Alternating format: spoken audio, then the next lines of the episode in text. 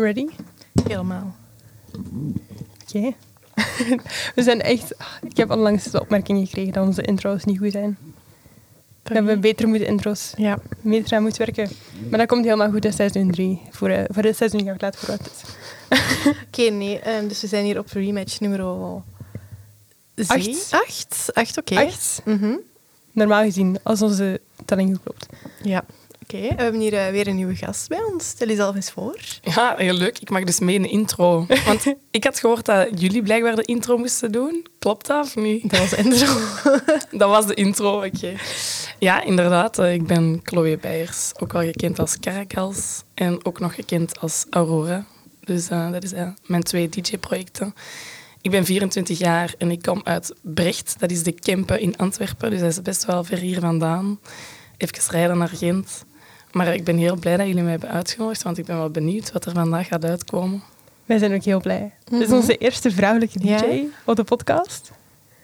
Dus ik ben, ik ben heel benieuwd. Ja, inderdaad. Ja, ik denk dat dat ook wel voor jullie fijn is om eens een vrouw over de vloer Ja. te krijgen, want dat is wel eens iets anders dan als Ja. met mannen praten. Het is zo'n heel typische mannenwereld, terwijl dat er ook zoveel vrouwen zijn. Dus we vonden het ook wel gewoon echt belangrijk om ook even te laten zien van er zijn zoveel sterke vrouwelijke DJ's die jullie ook gewoon moeten leren kennen. Ja, inderdaad. En er zijn wel nog meer sterke mannelijke DJ's, denk ik. Want de, allee, de, de pot om uit te vissen is iets, of de vijver om uit te vissen, ik zal het zo zeggen, is iets kleiner bij de vrouwelijke DJ's. Maar er zijn er zeker wel. Hè. Dus het is wel belangrijk dat, om die ook onder de aandacht te brengen. Zeker. En als je zou kunnen omschrijven in één woord, welk woord zou je dan kiezen? Ik zou denk ik kiezen, want ik heb daar dus over nagedacht. Ik denk dat ik zou kiezen voor enthousiast of spontaan. Dus ik denk dat dat wel twee woorden zijn die mij zeker beschrijven. Want ik, ik probeer eigenlijk altijd wel ehm, het beste te zien in de dingen en er ook enthousiast over te zijn. Want hoe enthousiaster je zelf bent in je mindset, hoe meer je dat ook zelf gaat voelen. Dus ik probeer altijd wel te lachen en eh, spontaan en enthousiast te zijn. Mooi. Dat is zo een van de woordjes dat we nog niet gehoord hebben. Nee, hè? Meestal is het zo anders of chaotisch. Of creatief. of- ja, Ik ben wel echt heel chaotisch ook, amai. Dat is wel echt... maar wij ook. Ja, Dus, welkom. eh, Ja, voilà. Ik voel mij er al helemaal thuis. nee, Caracals, van waar komt de naam? Ehm, dat is eigenlijk een dier. Kennen jullie het dier? Nee. Ah, het is echt zo'n soort sphinx. Nu, van waar komt de naam? Jullie weten dat misschien wel, maar sinds oktober is eigenlijk Caracas een soloproject geworden. In het begin draaide ik altijd met mijn beste vriend, Ivan eh, Herrera. En we hadden allebei een DJ-naam. En die heette Chloe, K-L-O-W-E. En Ivan, zijn DJ-naam was Klivan. Nu, we moesten eigenlijk samen ergens gaan draaien op Aspie-Welbrecht. Dat was onze eerste vijf ooit. Er was nog maar één spot vrij en we waren allebei aparte DJ. Maar we moesten dan samen gaan draaien. Oké, dus we moesten een goede naam verzinnen. En we kwamen dan op Double K, wat eigenlijk echt een hele slechte naam was voor in de regio Kempen. Want onze goede vriend W is eigenlijk bijna dezelfde naam. Dus die was er eigenlijk ook niet zo content mee dat wij die naam hadden gekozen. Want twee keer K, we dachten, oh, dat is kei leuk, dat combineert onze namen. Maar dat hebben we al heel snel afgeschreven. En in die tijd was ik eigenlijk heel erg de fan van Disclosure. En die hadden net een eh, album uitgebracht en dat heette Caracal. En ik kende dat dier eigenlijk niet. En ik vond dat wel een coole naam. En ook die albumcover, dat was echt een hele vette foto. En ik zei tegen Ivan, weet je wat we kunnen doen? Die Caracal, die met twee C's wordt geschreven, die kunnen we misschien met onze naam integreren met twee K's. En als we ons dan gaan opzoeken op internet, gaat het ons ook sneller vinden. Want ja, dat is een uniekere naam. En dan hebben we dat gewoon gedaan. En sindsdien is eigenlijk Caracas ontstaan. Ja. Mooi verhaal. Ja? is Creatief wel- ook wel. Zo Het is wel een beetje een raar verhaal. Hè. Het is niet dat je echt zo zegt van, amai, dit is echt heel diepgaand. Maar Nee, maar het is leuk dat het iets creatief is. Zo niet een basic van ik heb iets gedaan met mijn naam en ik heb daar gewoon... Ja. Nee, nou, en, en- Ik zie iets en ik maak er mijn naam Ja. van. ja, en ik vind ook eh, de afbeelding van die caracal vind ik echt heel vet. En die zit ook geïntegreerd in het logo. Dus dat vind ik wel tof. Oké, heb ik nog niet opgemerkt eigenlijk. Ja, dan moet je eens opzoeken op de site. Ja. Ik heb hem zien. En jouw ander DJ-project, Aurora, hoe ben je daarop gekomen? Ehm, dat is eigenlijk nog een minder goede verhaal. Nu, ik vind Aurora echt een super nice naam, gewoon hè, zonder de OA. En uh, omdat in hardstyle heb je altijd zo super vette intro's. Dus als je bijvoorbeeld op een festival staat, wordt het heel vaak eh, door het festival zelf intro's gemaakt, die dat dan een minuut lang duren, met allemaal coole woorden en beschrijvingen over waar iedereen is. En dan wordt er altijd gezegd, give it up for. En dan dacht ik, je hebt dan supergrote namen zoals Sub-Zero Project of Hard Driver of Impulsa. En dan dacht ik, ja, weet Aurora, dat zou wel heel goed klinken, omdat dat wel heel hardstyle gericht is. En aangezien ik dan ook heb gespeeld met de letters, om dan er eigenlijk een roar van te maken, dacht ik, dan ga je dat ook sneller kunnen vinden op internet. Dus daarvan eigenlijk. Heeft niks met uh, dat sprookje te maken. Ik kan er zelfs niet opkomen, want ik, ik heb dat sprookje nooit gezien. Is dat door een roosje of zo? Ja. Ja. Wist ik zelf niet. Ja, ja, voilà. Nee, door een roosje in het Engels is Aurora, Oh, oké. denk ik. Ik weet het echt niet, want het is een beetje een schaamte. Ik heb dat sprookje nooit gezien. Ja. De film, ik zal het zo zeggen. Oké. En even terug naar het begin. Hoeveel, allee, hoe is het bij u eigenlijk allemaal begonnen te draaien? Ehm, ik was zelf een, eh, een echte feestganger vroeger, in mijn jeugdjaren. En ik zag dan altijd DJ's bij ons in de Kempen draaien. Dat was dan Skinny, W, G-Force. En eh, ik vond dat echt super vet wat die deden. Die kregen keihard aandacht van voor het podium. Die draaiden super vette nummers. En ik dacht, wow, ik wil dat ook kunnen. En dan eh, had ik gevraagd, maar dat was eigenlijk redelijk laat. Want ik was 17, 18 jaar toen ik aan mijn ouders heb gevraagd voor mijn eerste controller. Dan had ik een controller gekocht en dan probeerde ik eigenlijk met Virtual DJ. De DJ's onder ons gaan dat zeker kennen. Het allereerste gratis programma waar iedereen mee draait. Had ik eigenlijk proberen zo mixtapes te maken. En mijn eerste mix had ik gemaakt zonder zo'n paneel. En dat was echt, echt slecht. Maar echt ongelooflijk slecht. En dan had ik eigenlijk wat tips gevraagd aan een, eh, een vriend van mij. D-Raw was dat toen. En die had mij dan zo geleerd van ja, je moet eigenlijk zo intro's zoeken, extended mixen zoeken. En zo was ik eigenlijk begonnen met een aantal mixtapes te maken en op Soundcloud te zetten, zonder dat ik eigenlijk echt ervaring had om voor een publiek te draaien. Want ik had natuurlijk alleen maar ervaring van met een controller te draaien en met een laptop. Terwijl als je op vuiven komt, dan staat er altijd een, een Nexus set van Pioneer. Dus dat is helemaal anders draaien dan op zo'n controller. Dus eh, ik had dan ehm, daar heel veel op geoefend en geoefend. En dan had ik mijn, twee jaar later, denk ik, denk toen ik 18 was, mijn eerste kans op een basketbalbericht te draaien. En zo is het eigenlijk aan het, aan het, aan het rollen geraakt. Want zo kwamen de boekings binnen van heel veel, heel veel organisaties in Brecht die dan eigenlijk een opkomende DJ zochten om, om de beginuren op te vullen. En dat heb ik dan eigenlijk gedaan samen met mijn compagnon Ivan. En we zijn er eigenlijk niet meer mee gestopt om samen te draaien. Dus dat hebben we dan denk ik vijf of zes jaar samen gedaan. En dan hebben we heel veel leuke dingen mogen doen. We hebben via Hyped Events hebben we op zijn reis mogen staan. En dat was dan eigenlijk, denk ik, na drie jaar dat we aan het draaien waren. En voor ons was dat echt van, oh my, wow. Wij staan op een festival. En we kregen ook veel aanzien van, van mensen die bij ons in Brecht wonen. Van, amai, wow, die staan daar, die mogen daar draaien. Dus daar was ik wel heel gelukkig mee. En zo, om die referenties te krijgen, zoals Sunrise, Continent, zo zijn we eigenlijk bekender geworden. En uiteraard hebben we dan meegedaan aan Eminem Start to DJ. We waren daar dan voor geselecteerd. En vanaf dan is het eigenlijk echt beginnen boomen onder Caracals. Dan waren we echt uh, meer in Vlaanderen geboekt. En we mochten naar West-Vlaanderen gaan, terwijl we dat nog nooit hadden gedraaid. Want mensen hadden ons horen draaien op de radio en vonden dat wel een leuk concept. Twee, mensen die aan het draaien zijn, dan nog eens jonge meisje. Dat vonden de mensen heel interessant. En uh, toen dat eigenlijk is gebeurd over heel Vlaanderen, dan is het echt... Uh, ja, is het echt aan het draaien geraakt. Dat was heel tof. Hoe was dat Eminem Start to DJ voor jullie? Ja, dat was heel raar, want dat was midden in de coronaperiode. En Ivan en ik hadden eigenlijk het jaar daarvoor ook al de ambitie om mee te doen. Maar wij vonden, als we meedoen, moeten we dat echt fatsoenlijk doen. Dus we moeten een goede introvideo hebben en een goede mixtape. En we hadden dat iets te laat beslist. Dus wat hadden we gezegd in 2020? Het was aan corona. En ik had echt al tegen hem gezegd, ja, Ivan, binnenkort gaan die inschrijvingen van Start to DJ beginnen. Wij moeten ons een tape klaar hebben. Dus wij waren bij de eerste vijf DJ's die hadden ingeschreven. Dus we hadden onze mixtape natuurlijk tip-top in orde gemaakt. En toen we dan hoorden dat we waren geselecteerd, was dat echt zo als een droom die uitkwam. Echt waar, dat was... Ja, ik volgde Start DJ al van heel lang op, want ik vond dat super interessant om te zien wat dat deed met een DJ-carrière. Ik wist, als je daarvoor geselecteerd wordt, dan ga je groter worden. Dat is gewoon een feit. En dan waren we geselecteerd en dan moesten we effectief op de VRT draaien en niet in Hasselt. Dus dat was wel speciaal, want je mocht dan ook in die luxe draaien. En ik volgde de andere DJ's al heel lang op die dat ook in de luxe mochten draaien bij M&M. En ik wist dat die mixtapes daar heel veel beluisterd werden. Mensen gaan echt op zoek naar mnm.be op YouTube en die beluisteren dan die sets dat daar in die luxe worden opgenomen en gedraaid.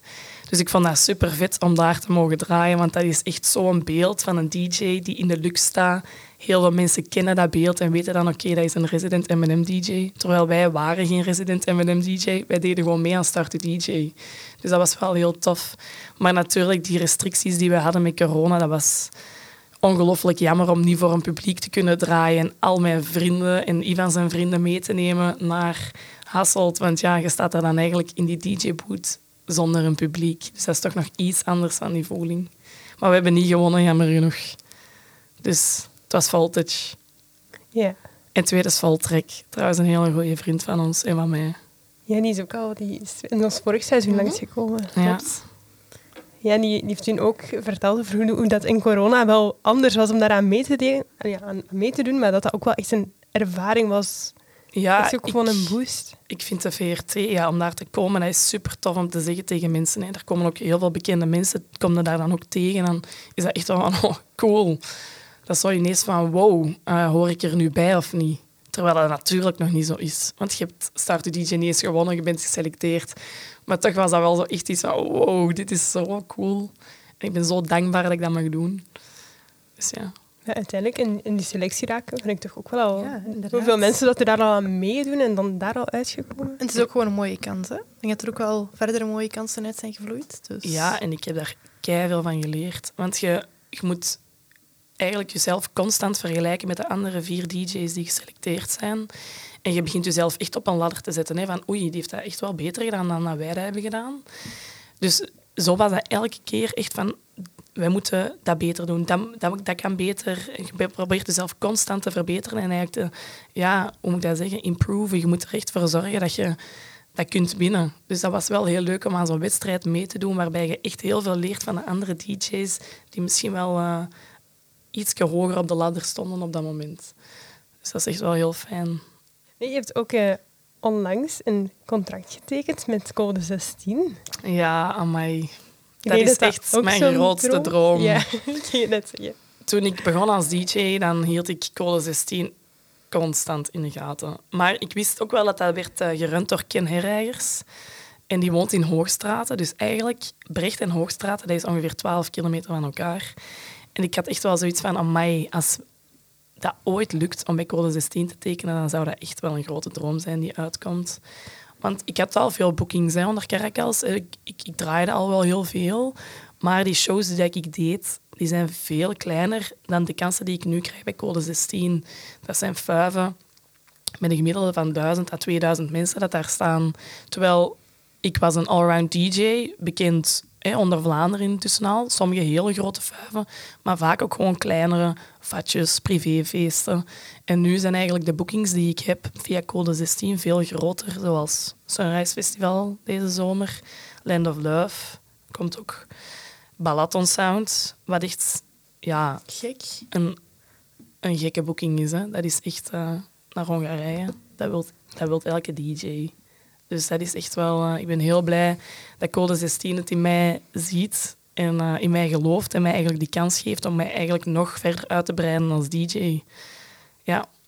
En nu wordt dat ook mee gerund door Jari en Paul. En dat zijn echt twee super toffe kerels. Ja, en dat is echt zalig om ermee samen te werken. En ik ben natuurlijk niet de enige DJ daar. We hebben daar echt een... eh, ja, er zijn, we zijn een groep van DJ's die bij Code 16 zijn getekend. En dat is super leuk. Wij hebben ook samen een groepschat en daar wordt heel veel in geplaatst. En daar wordt ook ehm, heel veel in gedeeld over, over posts die wij zetten op Instagram om elkaar ook zo aan mee te supporten. En dat is wel heel fijn om te zien dat dat echt zo een community is van DJ's die elkaar steunen. Zo'n beetje tweede familie. Ja, allee, maar ik kan dat nog natuurlijk nog niet zo noemen. Hè. Ik ben daar nu vijf, zes maanden getekend. Maar ik weet wel zeker dat dat wel dat dat voor mij op, een, op den duur als een familie gaat aanvoelen. Ik voel nu al zoveel warmte van die DJ's en van het management, dat ik gewoon wel weet van oké, dit gaat echt mijn familie worden. En het feit dat ik dat nu al een beetje voel, is natuurlijk een goed teken, want zo lang ben ik er nog niet getekend. Ja. Jullie kennen ook wel veel DJ's hè, van Code 16. Ja. Ja, klopt. Dus dat is toch wel best een, uh, groot Ja, zo wat de, boekingskantoor. als je bij code 16 zit, en zo, daar hangt zo'n bepaalde ja, aura rond of zo. Van, dat zijn wel Dat heel wel- ja. op een heel hoog niveau. Ik denk dan aan, aan Mike Lamani, die daar onder andere zit. Dat zijn de DJ's die op heel veel vijven headliners zijn, die op elk festival staan deze zomer. Ook in Arce Lewis en zo. Dat zijn wel de grote Ja. namen waar dat je nu ook wel tussen staat. Exact, exact. En dat is super tof en leerrijk ook weer. Dus ja, zalig. Hebben jullie veel zo contact ook met elkaar dan? Dat je elkaar tips geeft of, of je samen op boekingen staat? Of... Ehm, ik denk op dat vlak niet echt, maar ik merk wel dat, die, dat de andere artiesten die bij Code 16 zijn getekend echt wel heel goed weten wat de social media game is. Dus die weten heel goed hoe je bereik kunt vergroten en wat werkt op Instagram en wat niet. En dat is voor mij al wel heel leerrijk geweest. Dat ik eigenlijk ehm, vanuit management dan, bijvoorbeeld Koen heeft dan een paar maanden stage gelopen bij Code 16, die mij echt wel zo wat heeft tips gegeven van Chloe, zorg ervoor dat je consistent blijft in de dingen die je post. Eh, zorg ervoor dat dat hetzelfde lettertype is. Dat zijn van die kleine dingen. Hè. Maar dat heb ik al wel geleerd en gezien ook van andere artiesten die daar zitten. Van oké, die weten echt wel hoe je sociale media moet runnen. En dat is al heel leerrijk geweest. Qua bookings en zo ehm, zijn er al wel een paar mensen komen kijken ook. Het is, die hebben dan goede feedback gegeven. Dus dat is ook wel tof om te horen. Dat ze dan eigenlijk zeggen van, mij, je doet dat echt wel goed. Het is leuk om die bevestiging dan ook al te krijgen. Zo. Mhm. Ja. Van andere mensen. Dat is super belangrijk, hè? Bevestiging krijgen in het leven. Dat je ook gewoon kunt leren van elkaar. Mhm, zeker. Dit is ook naast dan Caracals, waarin het het soort van mainstream meer doet. Ja, dat is echt allround. hè. Eh, Meer allround dan dat gaat het echt niet worden, volgens mij. Ik, dat gaat echt van een set om goed te schuren naar hardstyle en drum and bass. Eigenlijk zo echt de vijf nummers die iedereen wil horen. Dat is echt het Caracas-project volledig. Je weet ook het hardstyle-project. Ja, dat is mijn grote passie. Ja? Hardstyle. Als je moest kiezen tussen de twee, zou je dan... Nee, dat ook weer niet. Weet je wat dat is? Ik vind het heel leuk om mensen aan het dansen te krijgen. En dat gebeurt echt heel hard met Caracals. Ik merk echt dat mensen het naar hun zin hebben. En dat gevoel dat je krijgt, dat je mensen kunt pleasen, dat is een gevoel dat is onbeschrijfelijk. Dus dat zou ik... Ik zou kunnen zeggen, dat staat op één. Dat wil ik ook niet per se zeggen, maar dat is voor mij wel een hele belangrijke factor. Maar mijn grote passie ligt eigenlijk al van kleins af aan bij hardstyle. Dus ik ben daar echt mee opgegroeid. Met de papvlees eigenlijk van mijn broer, die dat eigenlijk heel veel van hardstyle houdt. En ik moest daar naar luisteren. Dus op den duur vind ik dat ook goed. hè. Hoe meer je daar naar luistert, hoe beter je dat vindt. Dat is waar. En eh, ja, ik had dan het project Caracals al in duo met Ivan. En ik merkte dat daar niet echt de hardstyle uitkwam die dat ik echt leuk vind. Dus ik dacht, ja, waarom start ik niet gewoon een solo-project? Volledig hardstyle, geen uitzonderingen. Hè? Dus ik draai alleen maar hardstyle onder Aurora. Waarom doe ik dat niet gewoon? En aangezien mijn grote passie daar lag, en ook de passie van Ken Herijgers, de manager van Epic Times en Code 16, had hij eigenlijk gezegd, ja, weet je, ehm, ik ken wel wat leuke shows en wat, wat leuke evenementen die jij misschien wel onder Aurora zou kunnen doen. Nu, hij is niet mijn boeker, hè, maar hij helpt mij wel aan toffere shows voor Aurora, omdat hij wel heel veel connecties heeft. En dat is voor mij ook wel echt zoiets van, oké, weet je, dat is leuk. Ik weet, ik ken die muziek van binnen en van buiten. En die mensen die daar staan, die kennen dat ook. Dus als ik dat draai op een commerciële fuif, die gaan daar nooit op dansen of weten welke lyrics ze moeten zingen. Maar als je dat doet, puur op een hardstyle stage, weten die wel echt waar je mee bezig bent. En dat vind ik echt super tof. En daar ben ik ook mee bezig, met, met eigen mashups te maken en eigen muziek te maken. Dus dat is ook wel een, een spannend gegeven of, of dat daar gaat aanslagen of dat dat een, een, een boost gaat geven om echt muziek uit te brengen. Wat doet dat met je project? Is dat de bedoeling om binnenkort muziek uit te brengen? Er gaat nog niks uitgebracht worden, maar we zijn wel volop bezig met muziek maken. Dus dat is wel heel leuk. En ook super leerrijk voor mij gewoon om, ja, om te bekijken hoe maak je nu muziek en hoe zorg je ervoor dat je meeblijft in die hardstyle scene. Want ik denk dat dat voor jullie een, iets onbekendere scene is. Hè? Ja, klopt. Dat is echt wel... ehm, je moet jezelf constant uitdagen om nieuwe dingen te maken. En dat is niet zomaar een mainstream houseplaat die dat elke keer hetzelfde opgebouwd wordt. Maar dat is constant nieuwe kicks maken. Ehm, ja, vernieuwend blijven. Dingen doen dat het publiek niet verwacht. En dat is eigenlijk ja, heel innoverend. Dus dat is niet gemakkelijk om een hardstyleplaat uit te brengen, omdat de lat daarvan heel hoog ligt. Je gaat niet zomaar eh, bij een label kunnen aankloppen die dat je plaat gaat releasen. Die gaan daar zeker feedback op geven en zeggen Goh, het moet toch nog iets aparter dan dat het nu is. Nu is het iets te mainstream. Dus dat is zeker een uitdaging. Ja, Er zijn zo hardstyle DJ's waar je naar opkijkt. Zeker. Ik moest vorige zomer draaien op eh, Beach Party Bocholt. En ik moest eigenlijk de set draaien voor Rebellion. En dat is echt de goat van hardstyle DJ's. En amai, dat was ongelooflijk om dat te mogen doen. En Rebellion is een van mijn favoriete hardstyle DJ's naast Sub-Zero Project. En vroeger, in 2013, was ik ook heel erg fan van Headhunters. Maar dat is wel een beetje verwaterd in de laatste, laatste tijd. Maar ja, ik heb wel ehm, ik heb superveel artiesten die ik vroeger als kleine tiener op een, op een blad had geschreven, waarvan dus 70% hardstyle artiesten waren, die daar dan eigenlijk afvinkten van die heb ik intussen gezien. Want ik ga ook jaarlijks naar Defcon. Kennen jullie Defcon One? Nee. Nee. Dat is een van de grootste festivals van hardstyle in eh, Nederland. In Biddinghuizen bij Walibi. En dat is echt eh, een gegeven. Als je daar bent, dan voelt je echt... Iedereen komt naar hier van over heel de wereld. Het is een beetje Tomorrowland van hardstyle. En je hebt daar superveel stages waar enkel maar hardstyle, maar nog verder, hè, dat gaat echt naar hardcore, terror.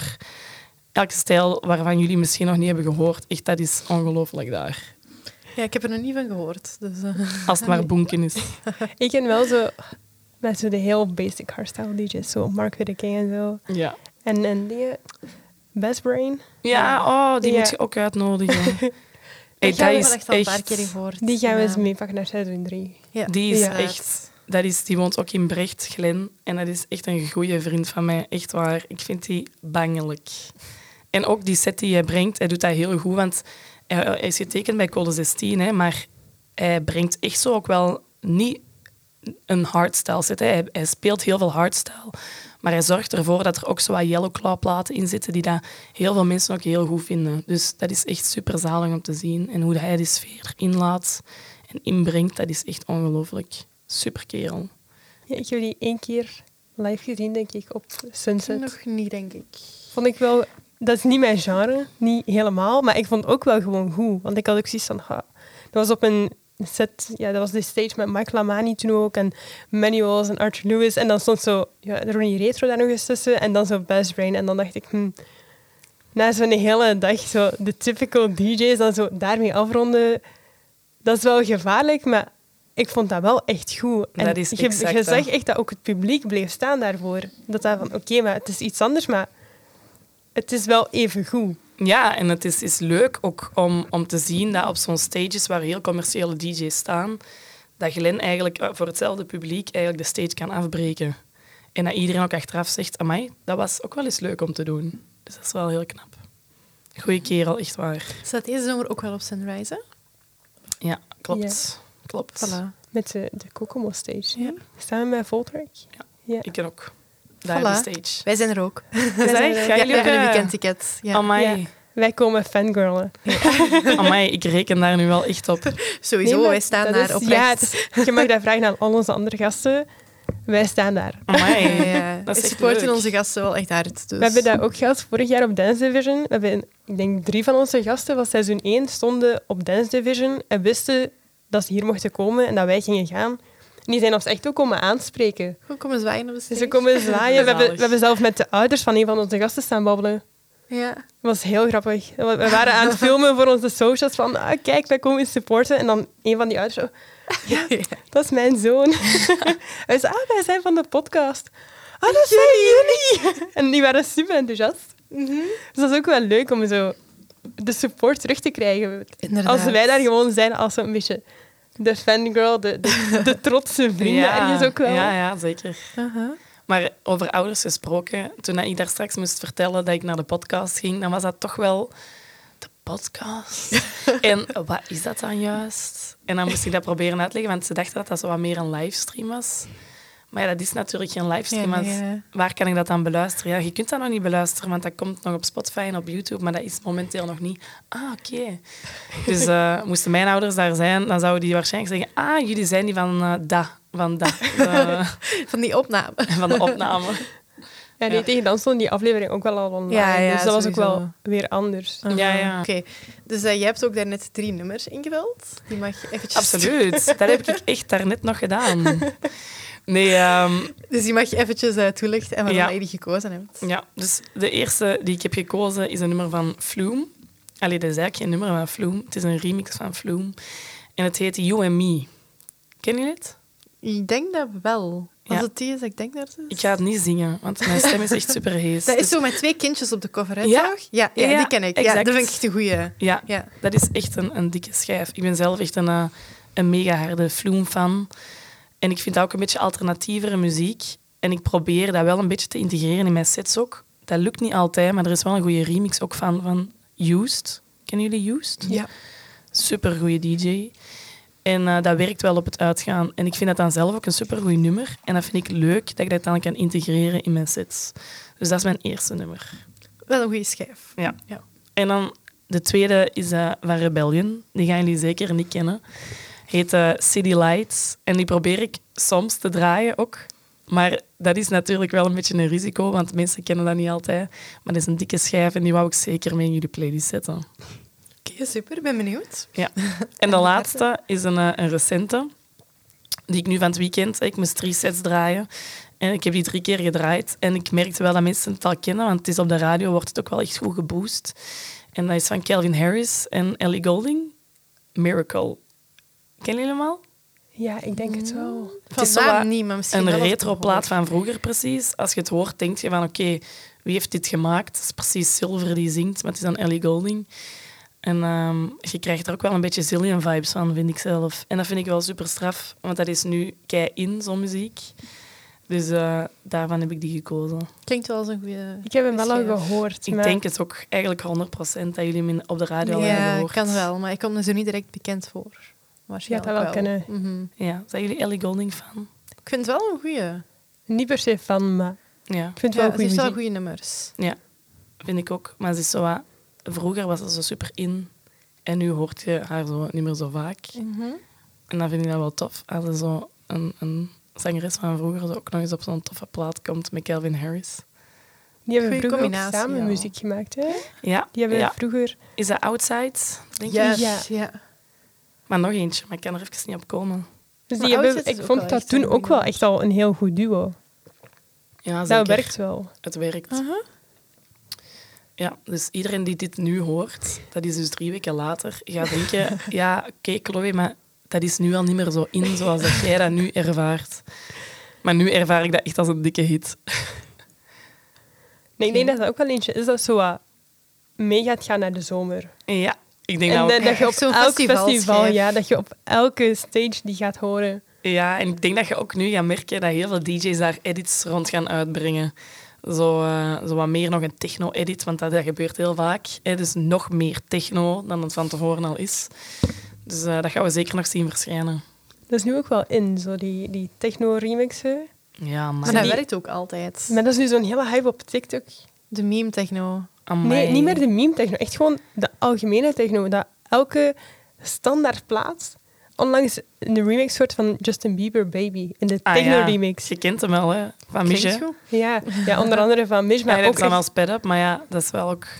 ook echt, maar echt iedereen doet dat nu.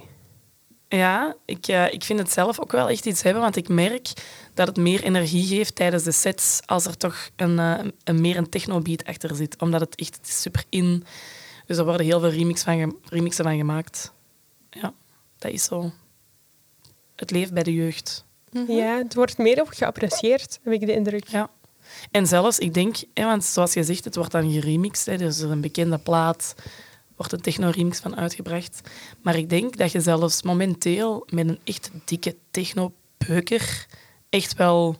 Dat dat echt zelfs ook zal werken. Ook al kent de jeugd dat niet, die gaan dat wel appreciëren als ze zo'n echt zo'n een, een veegschijf noemen wij dat. Vegen. Wel Echt een goede schijf. Ja, ik denk wel dat ze dat zouden appreciëren ook. Ja, dus ik denk dat dat zo al niet meer onze generatie is, maar zo de generatie na ons. Dat echt zo een techno Ja. moshpit generatie is. Doordat als ik een moshpit zie, loop ik ervan weg. Maar ik zie al die 16-jarigen zo daarin springen. ja. Ik vind dat heel bizar. Ja, amai. ik geef ook les op een school. Hè. En wij, ehm, soms speel ik daar dan ook muziek. En ze willen dan allemaal moshpitten. maar er staan dan... Ik geef les op een middelbare school. Er staan dan eerste, tweede, derde middelbaar... Staat daar dan super hard te moshpitten. Maar er zijn er sommige mensen... En die vliegen gewoon in die crowd. Maar daar zitten dan kinderen bij van 12 jaar... Die dat dan voor de eerste keer aan het moshpitten zijn. Maar dan merk je super hard op het uitgaan... Dat iedereen gewoon letterlijk op elkaar springt in een hoogte. En die landen gewoon op de crowd. Echt ongelooflijk. Dus ik snap dat je daarvan wegloopt. Ja, ook nooit iets mee gehad met moshpitten. Het is iets mannelijk, denk ik. Ja. Ik denk dat wel. En soms staat Ja. er dan, staan er zo'n paar vrouwen die dan denken... Oh, we gaan nog eens hard gaan. Ja. Ja, we gaan doorgaan naar het Ja. volgende. Hè. Oké, we hebben dus eh, Ja. ook een doosje bij ons hier. Een mooi roze een doosje. mooi roze roosje. En dat zijn allemaal vragen. En jullie mag even de briefjes, dus de kleurencodes Ja, uitleggen. dus eh, moest je toch niet weten, we hebben een roze doosje met dus, eh, drie soorten vragen. Dat zijn dilemma's, dat zijn de groene briefjes. De gele zijn never have I ever. En de roze zijn she's a ten but. Ik weet niet wat dat is. Ja, moet Ja. je dat uitleggen? Ik had dat, Ja, ehm, dat ik had dat aan vernomen, maar ik denk, ja, ik kan daar nu naar sturen van She's a ten but. Maar ik denk, ja, als ik dat nu eens gewoon eerlijk toegeef in de podcastaflevering, dat ik dus eigenlijk dat allemaal niet zo goed weet. Wat is dat? Dus dat is een situatie dat je geeft. Dus bijvoorbeeld, je bent met iemand aan het daten. Ze is een tien, dus ze is heel knap. Maar ze doet een bepaald ding.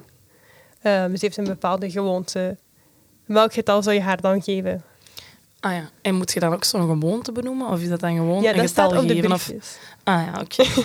Dus denk... op het briefje staat er een situatie. Dus bijvoorbeeld, ehm, ze is een tien, maar ehm, in de vorige aflevering was bijvoorbeeld, ze is een tien, maar ze klapt als de vliegtuig landt.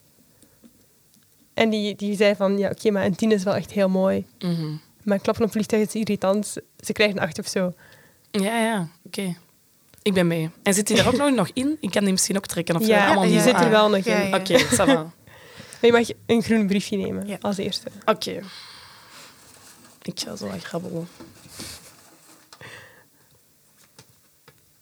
Dus je mocht de vraag Ah, voorlezen. Ja, dan, dus eh, het dilemma is Martin Garrix of David Guetta. Die hebben we nog niet gehad, hè? Ik vind dat wel een goeie. Ja, inderdaad. Dat is een moeilijk, hè? Ik, ehm, ik denk dat ik ga gaan voor David Guetta, omdat daar ben ik mee opgegroeid. Dus Martin Garrix iets minder mee opgegroeid. Hij was wel in mijn puberteit, maar David Guetta is voor mij zo echt sexy bitch. Je kent het wel, hè? Mhm. Dus ik denk dat ik voor David Guetta zou gaan. Dat is ook zo, ja, echt een dikke hitmaker. Terwijl Martin Garrix, die heeft heel veel hits uitgebracht, maar daar hoort je nu qua muziek niet meer heel veel van.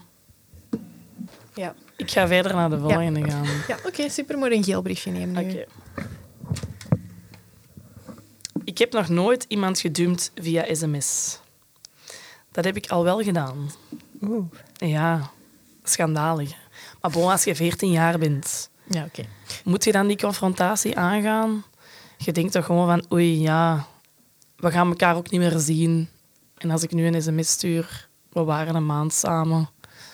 Dat is misschien, het hangt een beetje af van de situatie Ja. natuurlijk. Ja, voilà. Leeftijd en hoe lang je samen bent met de persoon. Want ik denk, op, vanaf mijn 15 zou ik dat nooit meer gedaan hebben. Dan zou ik zeker die confrontatie wel aangaan. Hebben jullie dat al eens gedaan?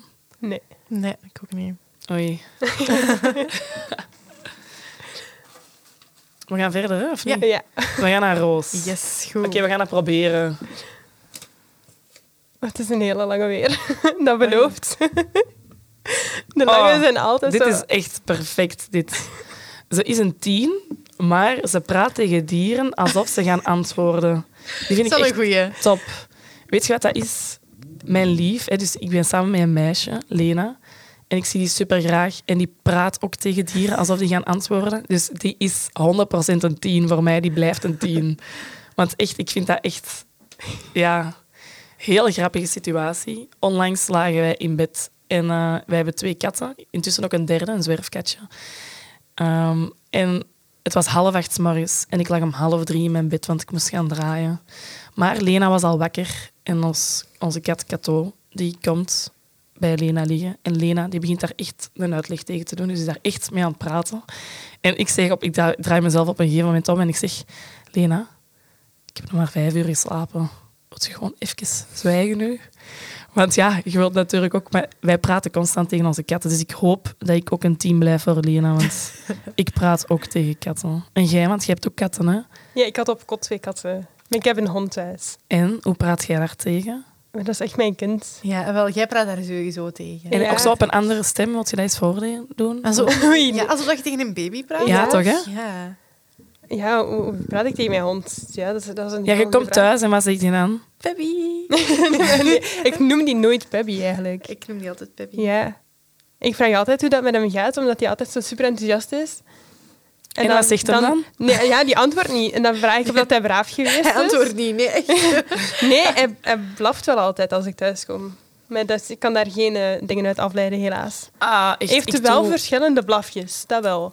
Ja, ik doe, ik doe constant alsof dat die kat echt antwoordt op mij. Voor mij is dat gewoon, ah, die heeft dat geantwoord, terwijl dat totaal niet zo is. Ik weet niet of mensen nu nog fan gaan zijn van mij, maar boven. Stel je voor. Iedereen denkt, she's a ten, but...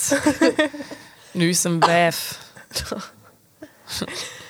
Nee, Heb je nog een, nog een geel briefje? Ja, dat is goed.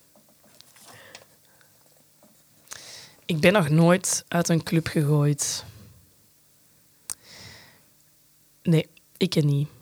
Maar vriendinnen van mij waren ooit eens op een vijf. Dat heette Crisisbal. En je betaalt daar 20 euro voor inkom, al in drinken. Ik was aan het draaien. Stonden daar van voor aan de boot. En op een gegeven moment merkte die dat mensen bier aan het gooien waren op hun. Want dat is natuurlijk dat bier, je betaalt daar niet voor, want je hebt al een al-in inkom betaald. Je krijgt dat bier allemaal gratis. Maar vanaf dat ze merkten dat je met bier gooit, er een kans dat je buiten gegooid wordt. Dus wat gebeurt er? Er wordt bier op hun gegooid en ze worden eigenlijk boos omdat dat gebeurt. Dus die bestellen ook zelf pintjes en die gooien die ook gewoon in de crowd. Maar de van de security die ziet dat. En die halen die twee buiten. Dus die hadden net 20 euro inkom betaald. En eigenlijk uit woede hadden ze iets teruggedaan wat iemand anders eerst was gestart.